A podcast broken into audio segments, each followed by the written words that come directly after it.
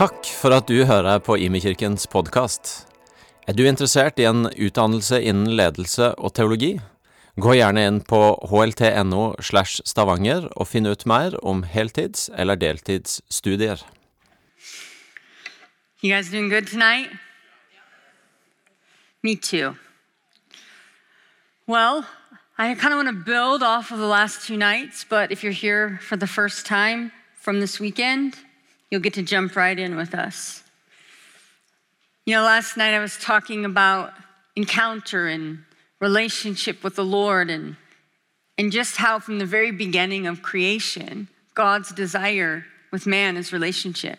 More than any other thing, it truly is relationship. And oftentimes when we think about being obedient, it can almost seem like it's about legalism or obedience is like rules and regulations. But really, what obedience to God is, is from a place of love. Because at the end of the day, He wants relationship. He doesn't just want just obedience, but He wants us to have that intimate relationship with Him and to actually know Him. And personally, in my life, I usually see the Lord as my best friend. When I say the Lord, it's the Holy Spirit. I see the Holy Spirit as my very best friend, and I was single until I was uh, 34. Me and Philip got married when I was 34, and I was a missionary since pretty much since I was 16. And I traveled all over the world by myself with groups of people, but I would go to some crazy places alone. Not always recommended for a single woman, but I had grace to do it into the Middle East and all kinds of places. And even throughout my life, the Holy Spirit really became my best friend. And the interaction that I began to have with the Holy Spirit was sometimes as simple as, What do you want to do today? And sometimes it was profound and deep and praying over people, but I do see him as my best friend in my day in and my day out. He's who gives me comfort. And he, one of the names of the Holy Spirit is Comforter. He gives us guidance, He's our guide, He's our teacher, and He's our friend. And even in the deepest place of friendship with the Lord, there's also the fear of the Lord, like I talked about the first night. He's still holy. He's the King of kings and the Lord of lords. And that's what's so amazing about him is he can be my best friend, but he's also my king and the lover of my soul. And I stand in awe of who he is. And those things are not in contradiction. They actually all go together. In Isaiah 55, verse 8 and 9, it says, For my thoughts are not your thoughts, neither are my ways your ways, declares the Lord. As the heavens are higher than the earth, so are my ways higher than your ways, and my thoughts than your thoughts.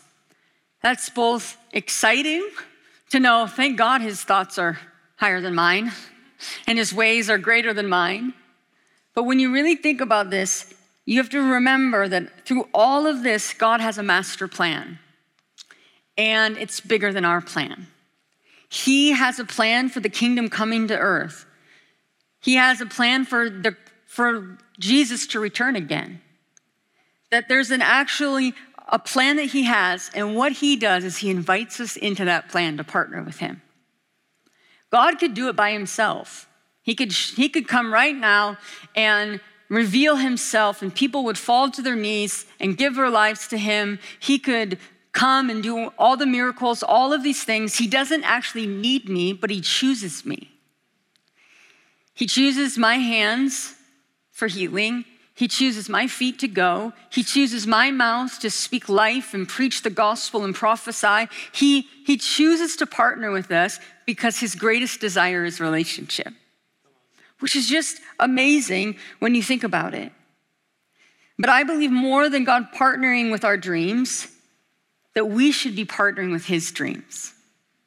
A lot of us have ideas and desires and things that we want to do. And as Christians, hopefully they line up with what God wants to do. But so often we're waiting, we're praying to God, saying, God, come and fulfill my calling. come and fulfill my dream. Come and fulfill my desire. But God is looking for people who will go, God, what are you dreaming? And can I partner with it? You know what happens when you do that? He goes, Go to Albania. Wait, what? Right?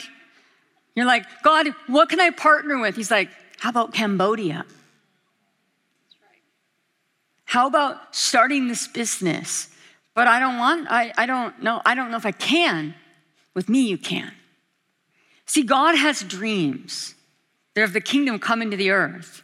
And He's looking for people who, instead of asking God to fulfill all of their desires, that they're actually going, What's on your heart and how can I do it? And let me tell you, His are way better than anything I can dream up. But that's what He's looking for. Everywhere we turn right now, there's things that are coming at us and they're telling us how we should live, how we should believe, how we should feel. We have this expectation, this pressure coming from our governments, coming from our friends, come expectations that are coming from society, what's popular, the newest trends. There's constant things coming at us, telling us what it means to be happy, what it means to be fulfilled. The world's definition of success, Norway's definition of success. We have all of these tests of how to discover our gifts and our talents and our passions. You know, something that happened during COVID when everything was locked down? All of these people started to struggle with purpose. They started to struggle dealing with more mental health and all, and all of these friends of mine and, and missionaries, they're like all of a sudden in a place of their whole world is upside down, which in one way it was. But I kept hearing this thing of like, I'm not doing what brings me life. I started to think about it. What should bring us life? Him or what we do? And of course, we should do things that bring us life. But what happens when you can't? I'm like, I think about the underground church, and I was like, well, I wonder what brings them life. I was in a gathering a number of years ago where the underground church was there, and it was their first time in their whole lives of being able to worship publicly. We had a section in the room that was closed off where no cameras could go. They, had, they couldn't be cam- on camera or videoed or anything like that. And I'm telling you, the worship that came out of them was like nothing I'd ever seen. Could you imagine if you've never gotten to sing out loud before with other believers? It, like, oh, it hit me in a way that it's hard to describe to watch people get to sing worship to Jesus with other believers for the first time. It was amazing. But what happens when we don't get to do what brings us life? What we think? You have to find it in Him.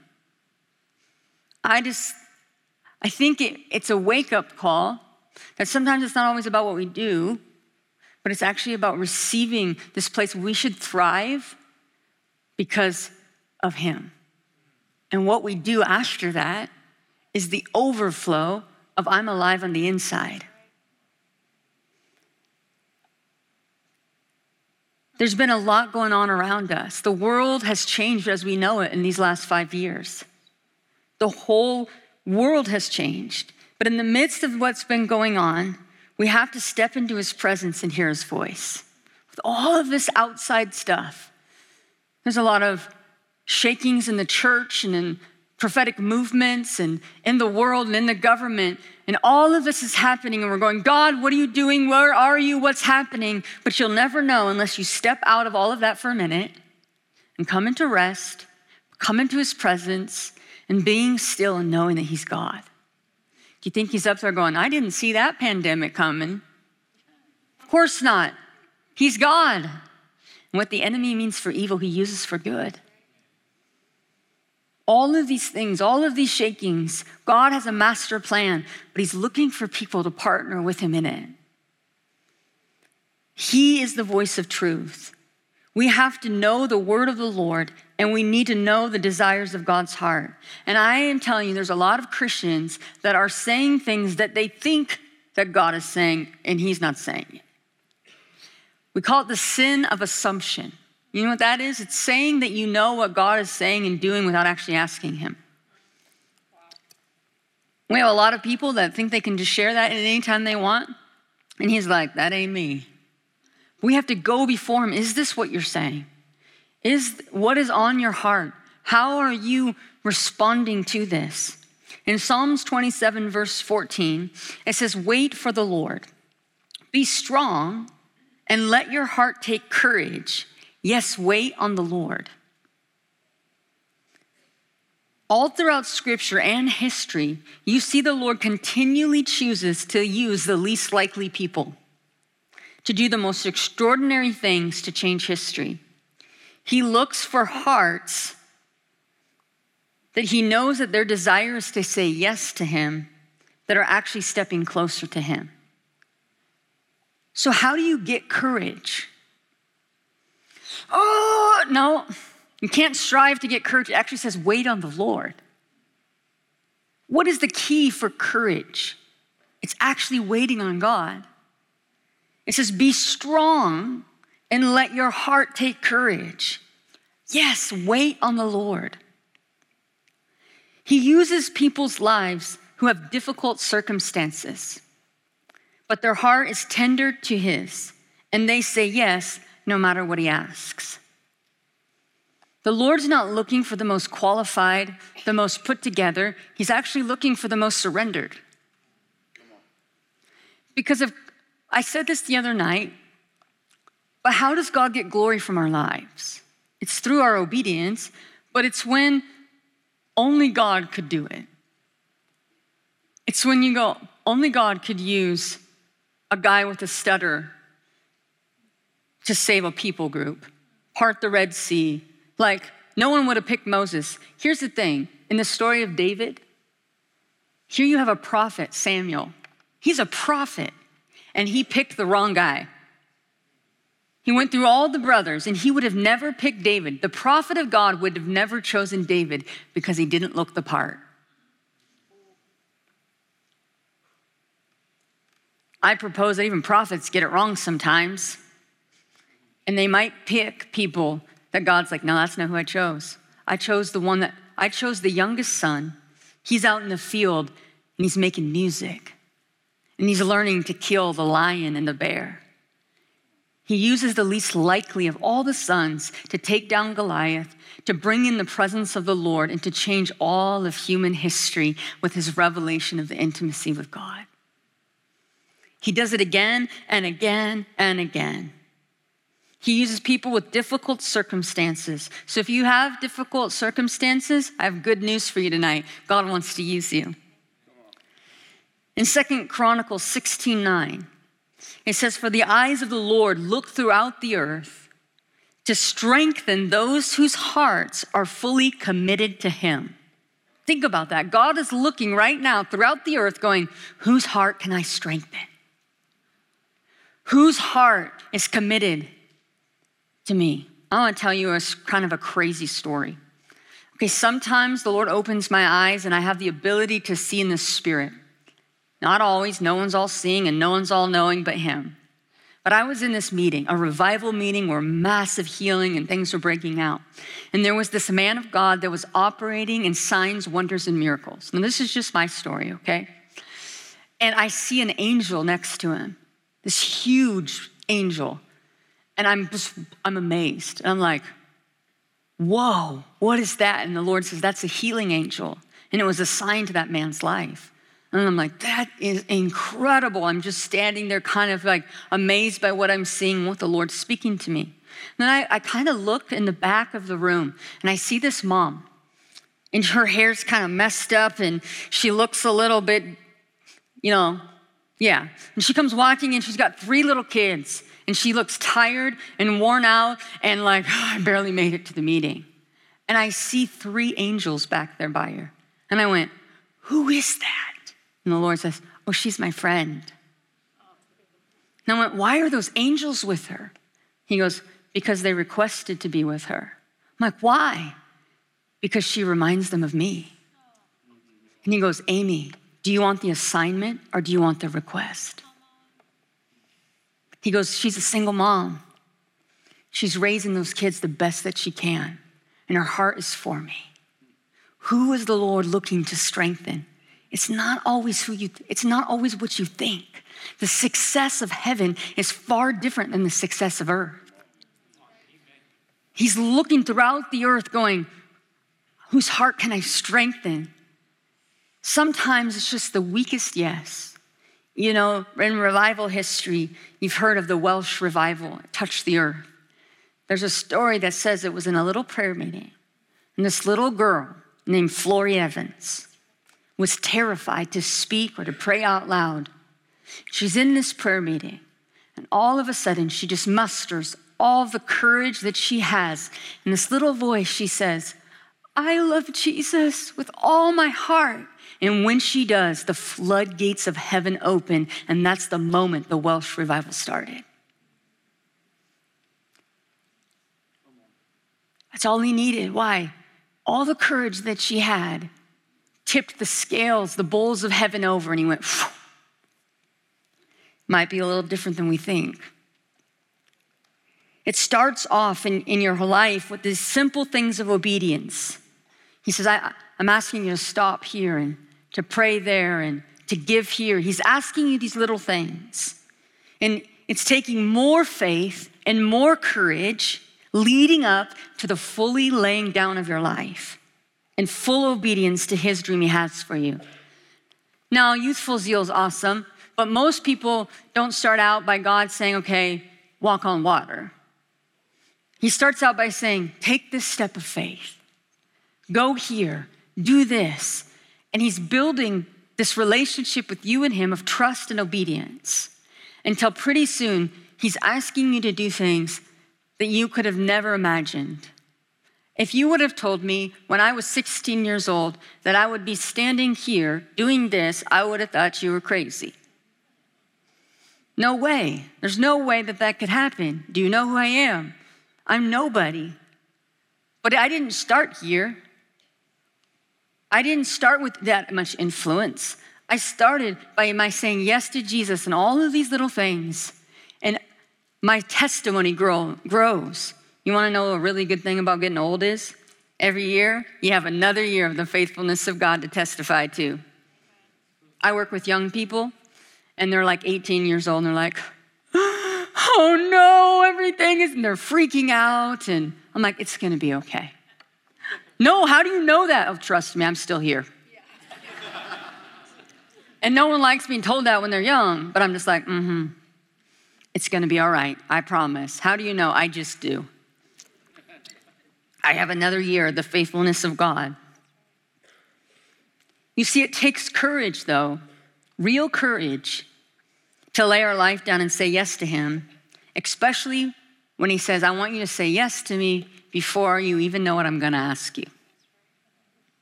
That's the surrender that we get to, when we trust God so much that it doesn't even matter what he asks you. We already know that his thoughts are greater, his plans are greater. The way I say it is God is more committed to your highest calling than you will ever be. He wants to get you there more than you want to go there. That he actually has the best plan for your life. That his ways are better. And so there's this thing of going, can I say yes to God even before I know what he's going to ask me?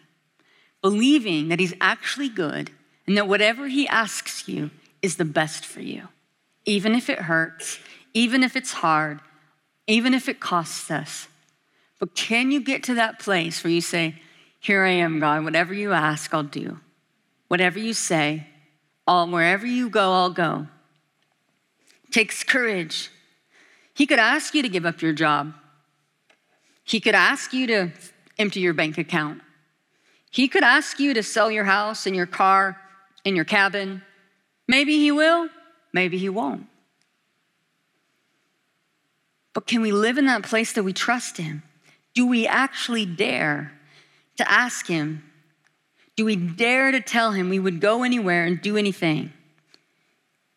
He wants us to be blessed, but more than anything, he wants us to be surrendered and obedient to him. Knowing who we are is really important, but there's no personality test or gift test on the earth that can tell you more than God can. Listen, I like to know who I am, and I like to know my strengths, but I'm kind of undefinable. You can't really put me in a box. Why? because I got God. And He does things to confound the wise. And He uses me in ways that are in my weakness that doesn't make any sense. He, he does things that are against my personality. I told you I like a plan, and He makes me start movements. There's so many things about my life that I'm like, this is, but I trust you. And sometimes I trust you, not as I don't trust you as much as I should, but ultimately, if I believe that He is committed to me. The scripture that we know very well, Jeremiah 1 5, before I formed you in the womb, I knew you. Before you were born, I set you apart. I appointed you as a prophet to the nations. You guys, He knows what He put inside of you. He knows you, He knows your capacity. And when He calls you to do something that's impossible without Him, He'll do it again and again and again. Listen, God is not gonna, God doesn't burn you out. One time I told God I was burnt out, and He said that that was an excuse for a lack of intimacy. Ouch. Why? Because sometimes I just take on more things than actually He's asking me to or I haven't learned how to rest well. I haven't learned how to abide in Him, and I get burnt out because I'm not actually leaning into Him, I'm leaning into me. But He's not gonna waste me and throw me away. He actually cares about me. But He'll give me more than I can handle because that's how He gets the glory.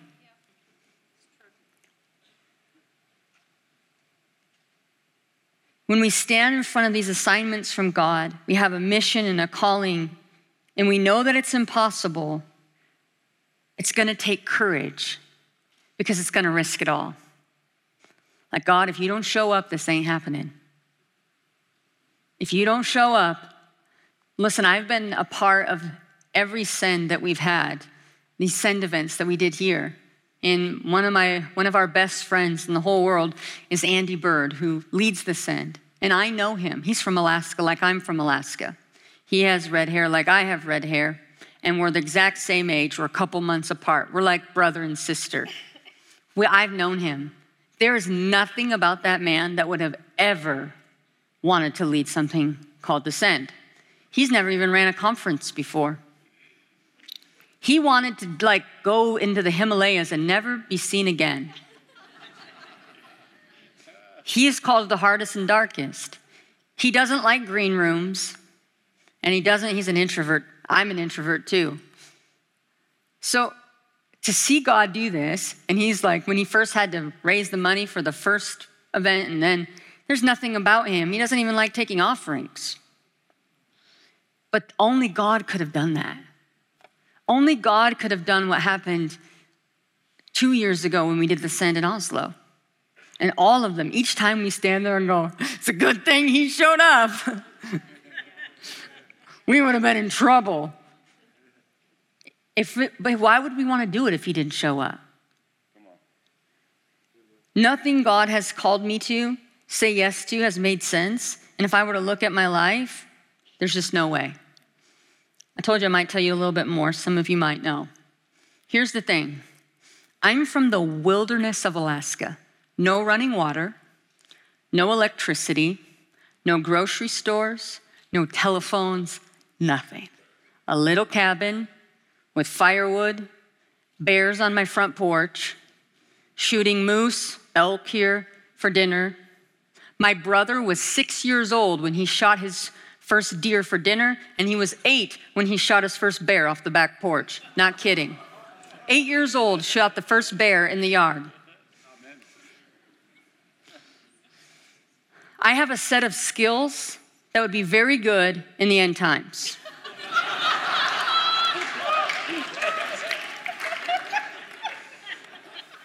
you should watch how fast I can butcher like an elk or a moose because I started when I was four, okay? And then I married a man that he has even more skills than me in this area. You want us on your team, okay? My parents weren't, didn't raise me Christian. And when I was 10 years old, I started to have demonic manifestations. I was severely tormented by the demonic from 10 to 15 years old, 16. I would have visitations all the time by the demonic, and it was always telling me to commit suicide. I thought I was mentally insane. And I, I don't like to describe it in full detail, but as bad as you could imagine, as bad as it got. Every single day. One night, I loaded a gun and I thought, I can't do this anymore. As I stuck it to my head to pull the trigger, I heard the audible voice of God, and He stopped me that night. When I was 16 years old, I was in a small little Norwegian church in Alaska. Now, just imagine this, right? Norwegian church, 16 years old, my parents aren't with me. This church believed in the power of the Holy Spirit. I'm in the prayer line, and everybody knows everybody in this little town, and they definitely know the girl from the wilderness. When they lay hands on me, all hell broke loose, and I demonically manifested. Now, I'd never seen a horror movie, I'd never really seen many movies at all, so I've never seen this. All the Norwegians are like, oh, quite shocked, right? They start singing, Oh, the blood of Jesus, oh, the blood. And I'm the whole thing. The men are like, Honey, get the kids and the coats. We're going, right? Like, and all and this, I could feel this war, and all of a sudden it was like,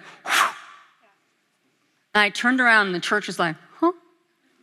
And the first thing I said was, they're gone. And I said, why is it so quiet? Because I had no memory of peace. No idea what happened to me. Then I'd ask the pastors, I'm like, what the heck just happened to me? And they explain it. And I'm like, how do I tell my mom that? Long story short, I ended up moving away from home and moving to town so that I could go to church and be discipled. A couple weeks later, all of a sudden I look around and I realize I know all of this stuff about people. I'd look at them and I'd just hear all this information. I went to my pastor and said, I think I need prayer and deliverance again. And he says, No, that's not that. So that's a prophetic gifting. I'm like, You can have it back. I don't want it. I don't want to be weird. I've been weird for six years. This has been horrible. I just want to be a normal girl. Not happening. So, for a young person, I had an extremely high level prophetic gift that actually had the ability to see into the spirit. It was overwhelming, absolutely overwhelming. And no one knew what to do with me because nobody that I was around had that kind of a gifting like I did. Long story short, I ended up in ministry school and been in full time ministry ever since, had mentors come in my life that trained me all of this. But another peculiar thing happened. All through my life, time I was five years old, I started to gain weight. I once was 180 kilos. By the time I was probably 25, 26 years old, I weighed 180 kilos, not because of what I was eating. No doctor knew what to do with me. At one point, they said, You won't live to 40 years old, you're gonna die. And I remember I was about 24, 23, 24. I'm driving home by myself in my car and I'm crying and I'm saying, God, I don't understand. I've given you everything. I'm not married. I'm in full time ministry. You're my best friend. I'm in missions and ministry. I've started churches. What do you want from me? I don't understand. And he doesn't say anything. But all of a sudden, this courage hits my heart. And I say, If I die, I die. But while I live, could you use me to raise up a generation on the earth that radically loves you? I'm just this little girl from the wilderness of Alaska. Could you do it? I don't know how. And I thought, well, I could lay down and die, or I could fight. But I fought by learning to love. And you know what? As I got into ministry, really well known ministers, they didn't want me to preach on their stages because I looked what I looked like. They were ashamed of me. And they thought I had a gluttony. But they didn't know as I had a genetic disorder that my body processes things differently. I didn't know it then either. And so now I'm in the world of conferences and churches, and they don't want me on their stage. But one time they heard about me before like social media, And so they heard about this girl, prophet from Alaska, and they want her to do their conference. But when I show up, they're like, oh. But they let me have the afternoon service that nobody comes to. You know what I mean? And they're like, they let me speak there. But I knew that they didn't want me there. Could you imagine? You're single, you're a woman, you're prophetic, and you're rejected by the church, and it's not your fault. So I get up and I say, Holy Spirit, you're my best friend. He's like, Amy, I'm gonna make you a promise today. I said, okay. He said, for the rest of your life, when you ask me to come, I'll come with my presence. Go ahead. So I closed my eyes and I went, Holy Spirit, come. And when I did, that moment, all of a sudden the power of God hit the room so hard, people flew out of their chairs and flying backwards. I'm not joking. And I was like, they put me in the main session after that. But here's the thing later on, they gave me just a couple years to live. It's a really long story. I ended up in missions and I ended up with my friend Andy Byrd and Holly Byrd, his wife. And I did my first outreach and all of this. I joined YWAM. Now I'm really a missionary. And they said, You only have a few more years left. And Andy Byrd says, Amy, I can't let you die. I'm like, What are you going to do? He's like, I don't know. We got to fight. And he goes, I know all of your other friends, they say they pray for you, but we just can't let you die. We got to figure this out. And so I had a whole bunch of medical stuff done and operations. Actually, I just had major surgery right before coming here. I'm still in a fight. I'm at the end of it. But by the grace of God, I, was, I wasn't healed. But by overcoming, I was able to lose half, more, more than half my body weight. It's still hard. He didn't just heal me though. But the process of overcoming, do you know how much courage it took to look at those doctors and say, if I die, I die. But while I live. And then I helped start a movement called Fire and Fragrance. And then I started another one called Circuit Riders. And then I helped start another one called Ascend. And when you look out and you see thousands of young people going, worshiping, and I was in this meeting where every person was singing about missions. They're singing, they'll, they'll go anywhere. And I heard the Lord say, I was so sick that day, I could barely stand. It's in this big arena. I could barely stand, I was so weak. And all of these kids are singing, Every nation, every soul, Jesus, you are worthy of every nation, every soul. And the Lord goes, Thank you. I said, What? He goes, Thank you for saying yes to me, Amy. Look, it's a generation falling in love with Jesus. So, obviously, I sing, but I'm more of a spontaneous singer. In the song of my life, I always say this He glories in my weakness every day. He glories in my weakness every day. Listen, guys, it's not always easy we have to overcome. But there's something when I get in Norway, I'm like, come on now. There's courage in here. Why do you think the enemies brought fear? There's obedience in here. Listen, I, I told you the other day, I still feel like the little girl. Actually, Philip and I are right in the middle. We're moving actually from Kona, big announcement everyone doesn't know yet.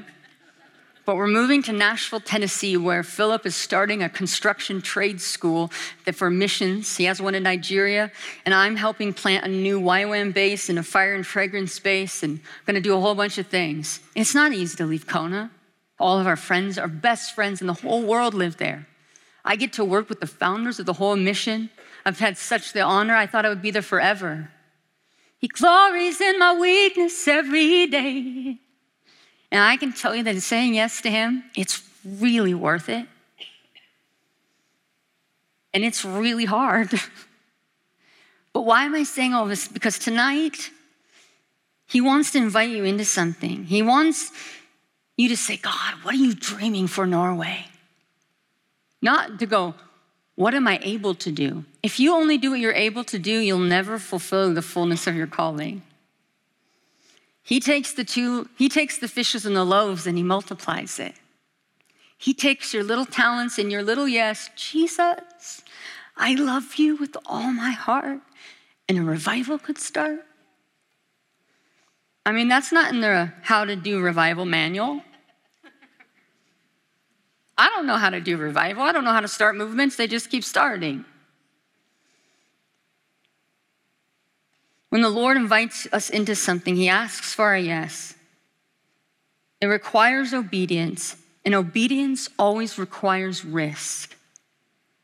Being obedient to the Lord takes great risk and great courage. Matthew 10:39, Jesus says, Whoever loses their life for my sake will find it. Some of you are looking for your life. I know where it is. it's when you lose it and laying down your life fully for the Lord and saying yes to Him no matter the risk, no matter the cost, you'll end up in the middle of your destiny. You'll find the passion and the zeal and the hunger and the desire, the creativity, the authority, the anointing that's life in Him and Him alone. Listen, when a life laid down comes true humility, and the Lord can take it and change history. Listening to the one sharing a little bit about Albania. That's changing history. What you're doing and right here. And I talked to a woman last night that was starting a business to affect the people in her neighborhood. I was like, that's obedience. To some people, it's opening a business or adopting children. To some people, it's going into the nations and everything in between. But what is it really about? It's not about what's better, what's harder, it's about obedience to say, Lord, what's on your heart? A lot of my friends that are changing the world, they never started out doing what they're now doing.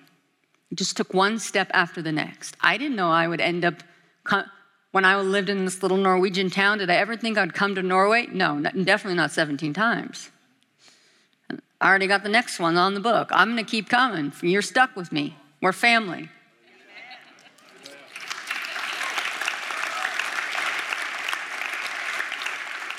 And then God was so nice that He gave me a husband that's half Norwegian. So that was a bonus right there. That sealed the deal. And his family is actually from this region. So that's even cooler. He does not promise that everything that we're going to do is going to be wonderful. And here's the thing Would you say yes to God when you know it's going to hurt? We have this weird thing in the church that we think God's not going to ask us to do things that are painful. Yes, He will. He's not afraid of pain. He's kind of the master of overcoming. And you know, sometimes we think, well, why would God tell us to do something that's going to fail? Would God tell you to start a business that was ultimately going to fail and go bankrupt? Yeah, He would. Why? Because He wants to see if He can trust you with failure so that He can trust you with success. People are like, well, I thought God said He did. But He never said it would be successful. He just said, do it. How that for the prophetic? The prophetic isn't always about getting to a destination, it's always about the journey along the way. Because he's more committed to your heart than he is your destination. Would God tell you to do something that was going to cause you pain? Yes, he would. Because that's how you know him in his sufferings. Oh, we don't like to talk about this part. Does he want to prosper you? Yes. Does he want to give you hope in the future? Of course. But what happens to those people that are imprisoned and those people that are in the underground church and that are going through things that you can't even imagine where and they know him better than we do sometimes. I'm telling you in my darkest hours as I've known him the best. There's something that happens that he partners with you. I could tell you stories of all night of people that I know that have done crazy things. I have a friend that has cerebral palsy. And all she can do is move her mouth. She has to be fed and clothed and all of those things. And she came and did a YWAM DTS. She went on a mobile outreach. Her friends carried her through Europe and she wheeled herself up and laid hands on the sick and they were healed. She would lead prayer meetings and she did all of these things because she heard God ask her to. Talk about remove excuses. So many things that you've seen where God uses the least likely people. So he doesn't always promise that everything will be wonderful according to our terms and our understanding, but that we get to actually partner in something with him to see his kingdom come. Take courage. Take courage tonight. So, in knowing that when we are obedient to the Lord, and you know that it might be a long process, you'll bear fruit that will remain. It's the fruit of the Spirit, sometimes more than it even is the instant thing that happens. You know, some of the greatest healing evangelists, I, I can't remember which one it was. It might have been John G. Lake, but they prayed for over a thousand people before they saw their first healing. How many of you at number 10 would be like, I don't think that's my calling? How about 100 zero healings? Maybe you picked the wrong gift. How about 999 zeros? Fail. And somewhere over the thousand mark, God went, okay, and gave them one of the greatest healing ministries that the world had ever seen. Why? Courage, not giving up when God puts it in you. The number of years ago, the Lord asked me a question. He said, Amy, would you prepare for 10 years without seeing any breakthrough to have me use you for just a short season? So, would you prepare for 10 years knowing that for one day I would use you in the most extraordinary ways? I'm like, yeah. He said, Would you prepare for 20 years? Just for me to use you for a week of a revival that would change the world, but you wouldn't see anything happen for 20 years. I'd be like, yeah. And he just kept asking me. But here's the thing is sometimes he does. He's asking you to prepare and you're thinking, what is this for? Why did he tell me to get trained in this occupation?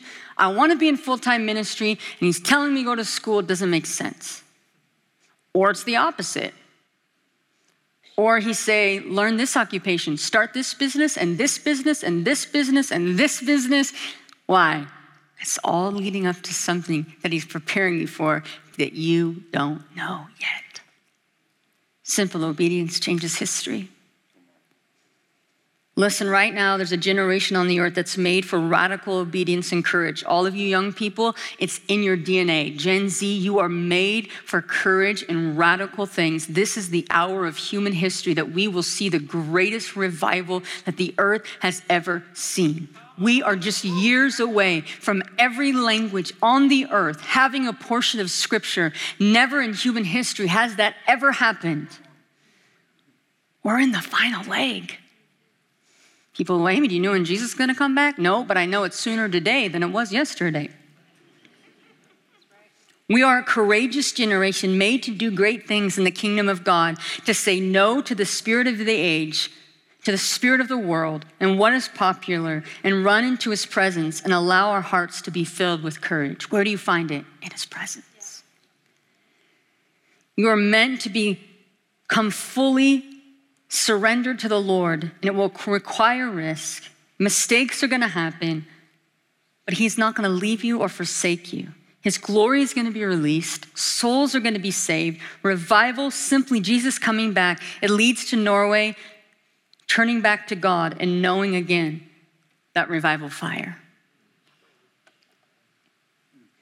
As a nation, you have an inheritance, but as an individual, you have an inheritance in this move of God.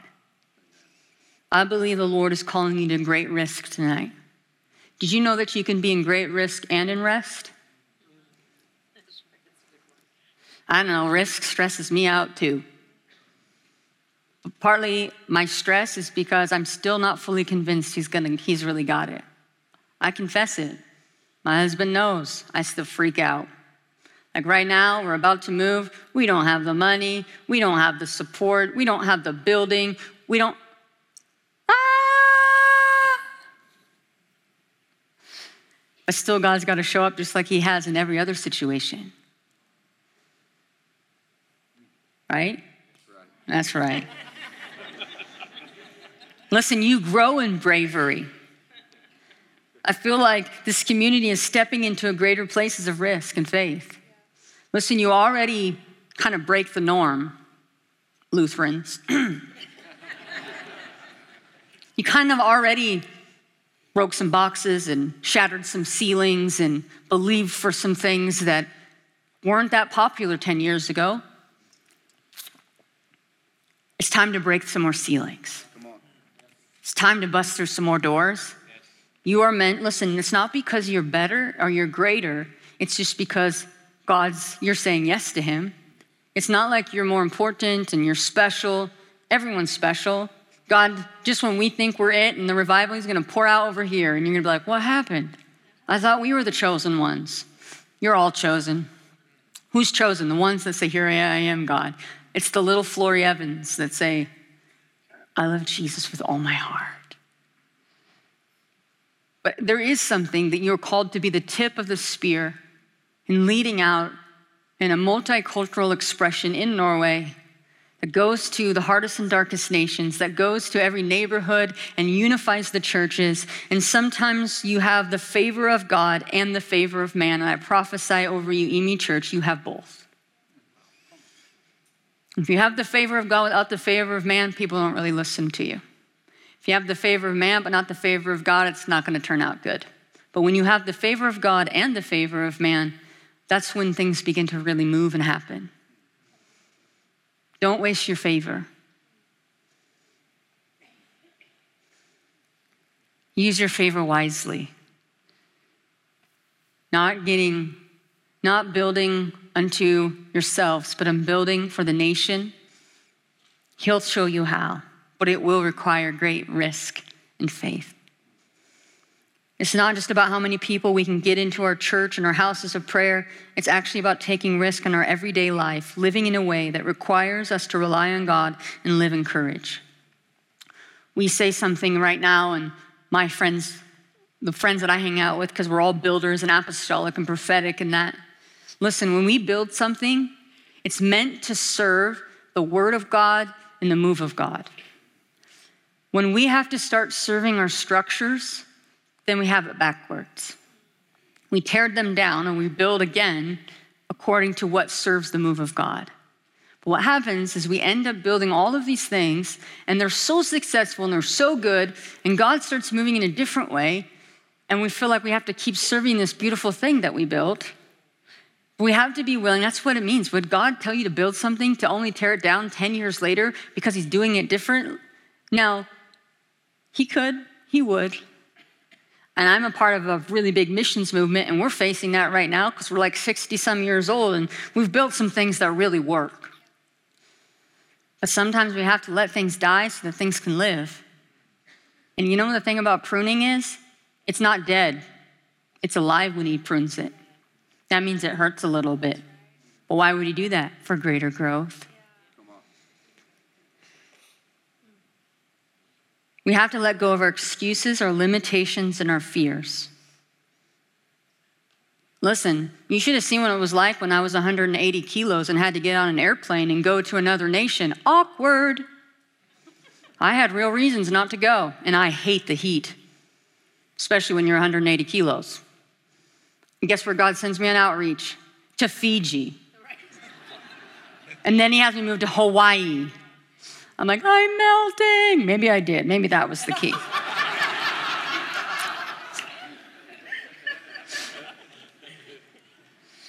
I think I was more anointed back then than I am now, but that's what I'm saying is I had limitations, real ones. Don't let them stop you. Some of you are dealing with chronic sickness. Maybe you can't get on an airplane, but what can what what is the risk he's asking you? Trusting the Lord with your family. Sometimes that's a big one. Yeah, but my family. I think God could take care of them better than you can if He's asking you to go.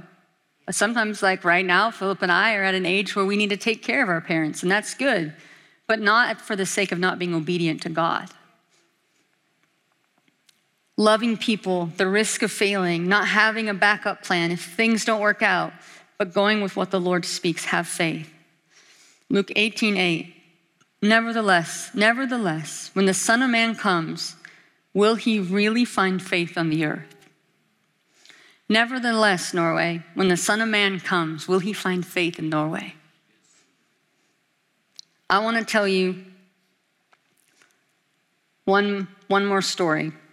I don't usually tell all these stories very often publicly, but I said the Lord used me in extraordinary ways, and I still can't figure it out. In 2010, I'm just leading schools in Kona. I'm still fighting for my life at that point, and I'm sitting in staff training and all this, and I hear the Lord say, I want to talk to you.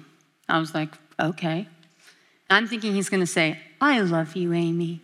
I mean, that's usually when he wants to talk to me, it's not a big download. But I'm like, okay, because I want you to get alone. So I'm waiting on the Lord, and I think he's just going to say, you know, just sweet things. Still small voice of God. But the entire room changed. The atmosphere in the room changed. And it was like all the air gets sucked out. And I look up, and there's an angel standing next to my bed. The first thought was, I'm gonna die. To be really honest with you, I remember I used to be tormented by the demonic. Angels are way scarier than demons. I'm serious. Why? They carry the presence of God and the fear of the Lord. And I don't know if you've read the New Testament, but you just never know what an angel might do. Demons can't hurt me. But there's a real angel standing next to my bed. And I don't have time to process it all, but it's the only time this had ever happened in my life. And it's only happened twice, and same angel. And he speaks out loud. And he says, I represent those that are going to ride through the night to declare a message of a revolution that will lead to a reformation. And he said, Inside of this bag is messages. And he had this old messenger bag on. And he says, Messages on the glory of God. And suddenly I see these lines of fire crisscrossing the map of America and going into Europe and other nations. And this phrase appears in the sky and it says, Fiery eyed revivalist. And I'm still, the angel's still in my room, and he says, The Lord is going to release his circuit riders again. And he says a few more things, and then he says, You'll understand more of this later. And he disappears. I was shaking uncontrollably. While the angel was there, I heard the Holy Spirit give me this name of this person in American history that we learned in school. It was a name Paul Revere. Now, the angel wasn't Paul Revere, but he was dressed like him. And I was like, I think I remember this from American history. What? So I go, after I quit shaking, I went into my living room and I Google it. Like, what are you going to do when you have an angel encounter? You Google it, okay? So I Google Paul Revere. Well, the first thing that comes up on the screen of my computer, it says messenger of the revolution. And I'm like, oh, the word angel means messenger. And he said a revolution that would lead to reformation. And I'm just freaking out. Okay, so the next morning, I don't think I slept that night. Uh, my friend Andy picks me up to take me to the campus. My truck wasn't working. And I said, Bro, you know I've had some crazy stuff happen. But what I'm about to tell you right now is the craziest thing I have ever had happen. And he's not like me at all. We couldn't be more polar opposites. He's a non feeling apostolic wild man. An angel could jump on him and he probably wouldn't feel it. That's why we make a good team with the apostolic and the prophetic, right? And uh, he's very sensitive to the Holy Spirit, but he just doesn't feel it, if that makes sense. So he goes, well, he totally believes me, you know, and he knows me well enough to know that I don't exaggerate. Um, and so we started to study the movement of the circuit riders, which started by John Wesley. Revival raised up these young men, and one of them was named Francis Asbury. They came to America. They started riding on the backs of horses all through America, preaching the simple gospel that eventually led to the Great Awakening, and what's where the Methodist movement starts out. And so we were like, God, what, what happened. Now, here's the thing a little secret about the prophetic is when you have major encounters, you don't tell everybody. It has to be weighed and tested first. So I took it to the elders or in our world and our couple, couple leaders and said, Is this really you, God? Let's ask the Lord. Because when you start getting up and talking about angels, it attracts all the weirdos, if you know what I mean. Maybe you don't, but still. We don't want it to be about an angel. That's how cults start sometimes, is people think they're talking to angels and they're not. We want it to be about Jesus. So we're like, Lord, what do we do? So we pray and we start studying the circuit riders. And we're like, what is, if an angel showed up, we need to get this right. A few months later, I'm in California and I'm visiting a team and I'm driving into downtown Los Angeles by myself minding my own business, and the angel appears in the passenger seat of the car. I don't know how I drove. He holds up this brown looking cloak and he said, The mantle of the circuit riders is coming on the circuit riders again. And he said, It will start in Los Angeles, it'll sweep across America. And he says a few more things and he disappears.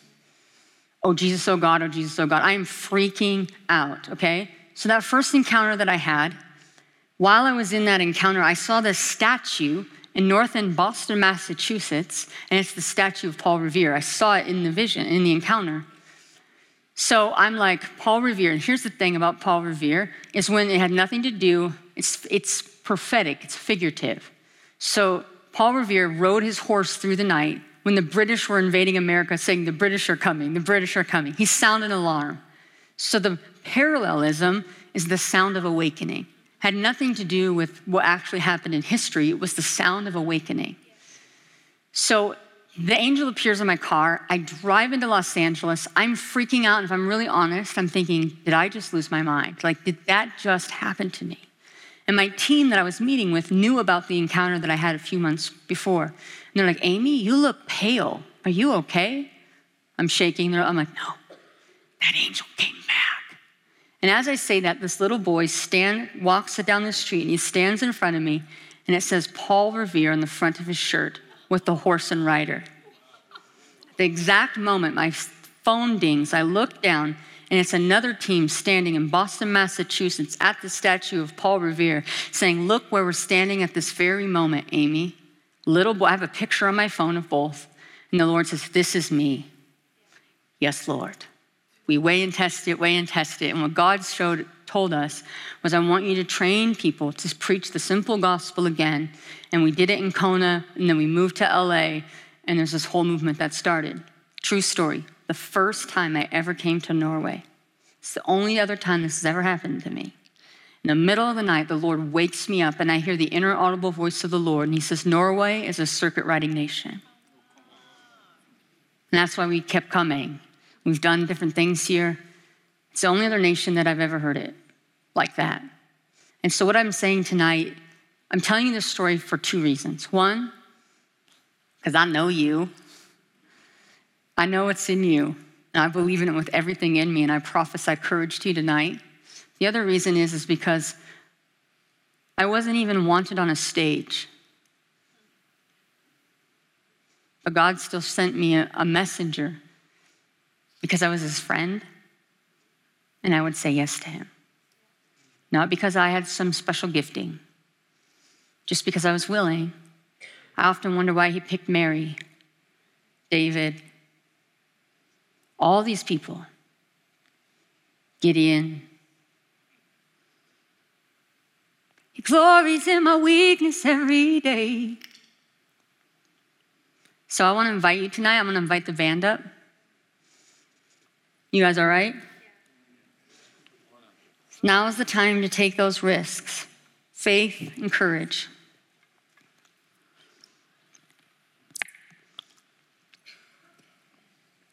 The invitation of the Lord into a new place of obedience, of courage and risk, and to see your kingdom come through your lives, and this invitation to this community. And I know that there's many of you that are visiting, but if you're visiting, you are meant to be here. I've been talking to some of the leaders tonight, and I know through just working with the, all the sends that we've done here, is that in many ways we've seen more unity with the church in Norway than we have ever. Well, where there's unity, he shows up. Because you're unifying around what really matters, around Jesus. You're unifying around sending. You're unifying around activation of the church. What does a Norwegian church fully activated look like? I think it causes fear in the heart of the enemy. So if you're dealing with any fear in your life, I want to tell you it's a direct attack against you because of actually what you're called to do. Why would the enemy come at you if he wasn't afraid? If you're dealing with any kind of anxiety and torment of any kind in the area of fear, irrational fear, I'm telling you it's a direct attack of the enemy because the, wor- the enemy's worst fears, you'll find out who you are and become it.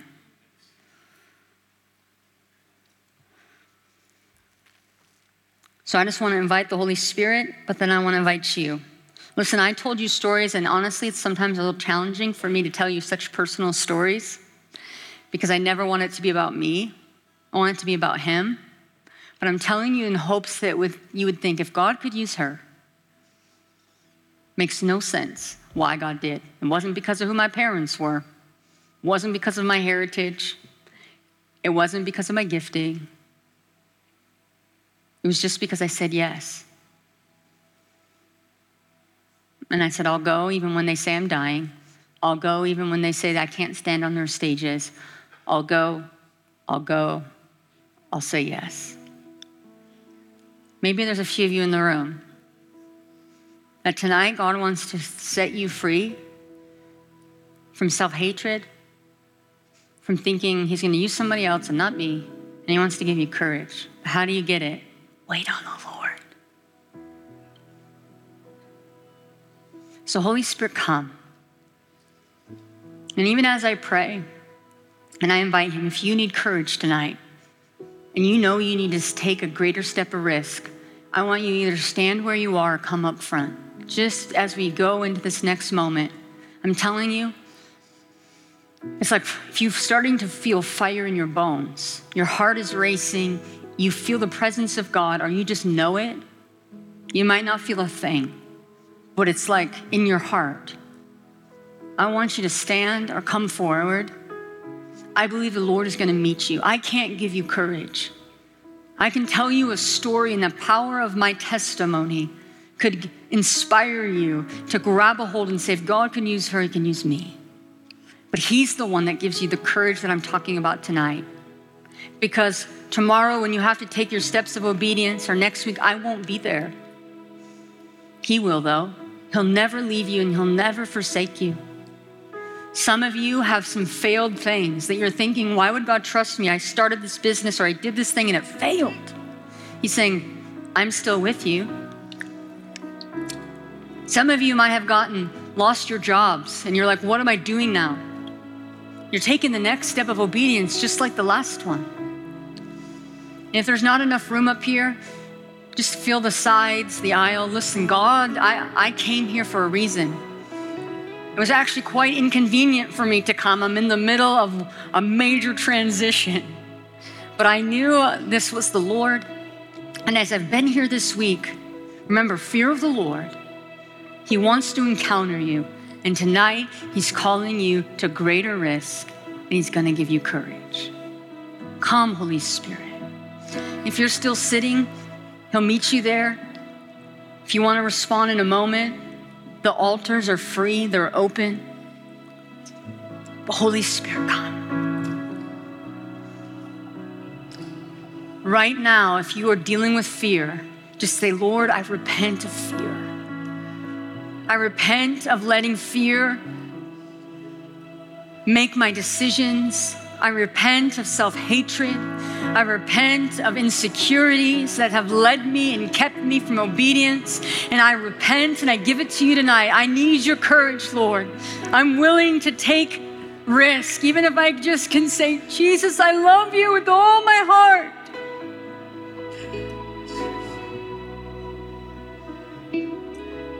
Come, Helion. Come. Jesus, I love you with all my heart. In the name of Jesus, I break the spirit of fear.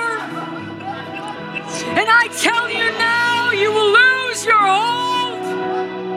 Come, Holy Spirit. I break the lie of self hatred in this place tonight. And I prophesy freedom. Your voice needs to be heard in this land again. Prophesy to the dry bones. Come, Hail. Come. The nations are waiting for you. yes.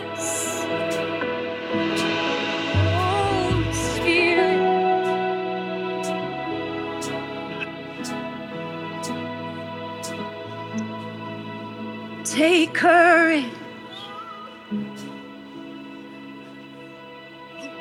Take courage. Wait on the Lord now. Wait on the Lord now. He is here. He's drawn near. Wait on the Lord now. He's breaking fear. He is near. Wait on the Lord now.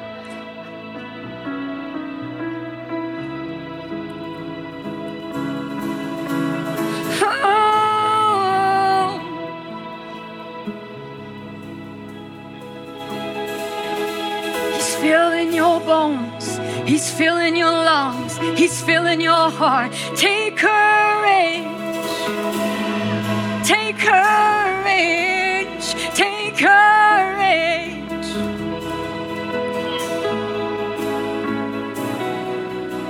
Just say yes. Just say yes. Just say yes again.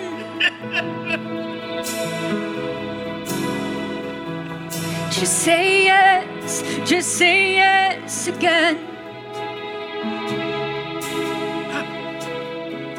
There's some people in here you need to hear you don't retire in the kingdom of God. You run your race with endurance. There's some people here that in your 70s and your 80s and even your 90s, and He's saying you haven't seen the fullness yet. Run your race with endurance. Courage, is ripe. It's the joy that is set before you.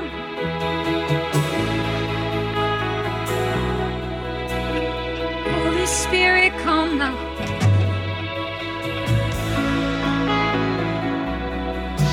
Fire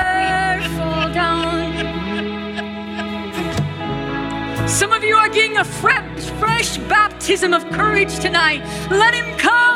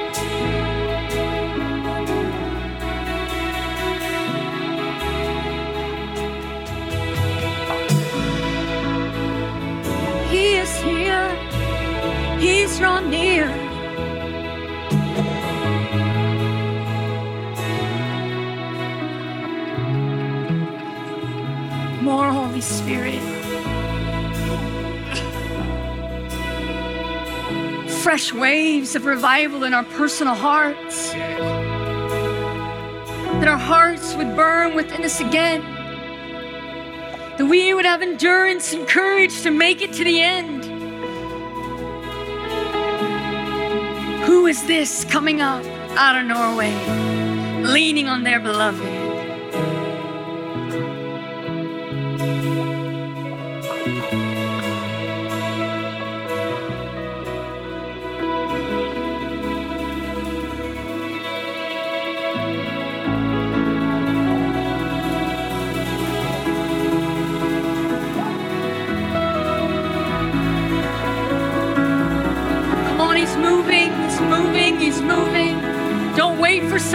Give you something. Get it from him tonight. If you don't know how, just say, Here I am, but I want it.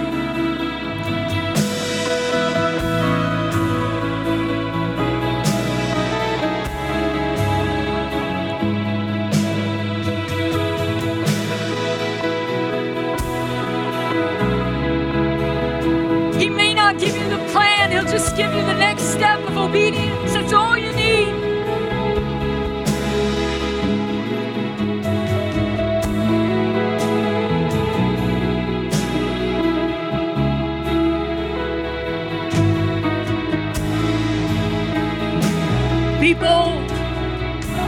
Strong, for the Lord our God is with you.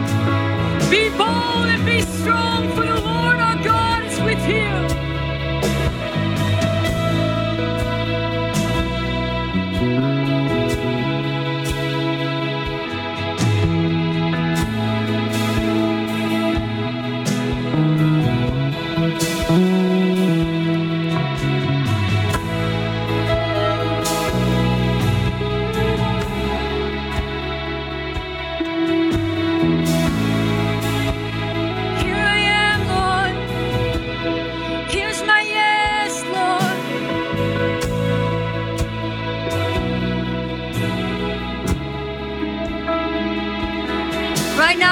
Spirit, I pray for a baptism of fire to come on them. Lord, a boldness, a courage, God, in that upper room. When Peter walked out, he burned with the boldness and courage of the Holy Spirit.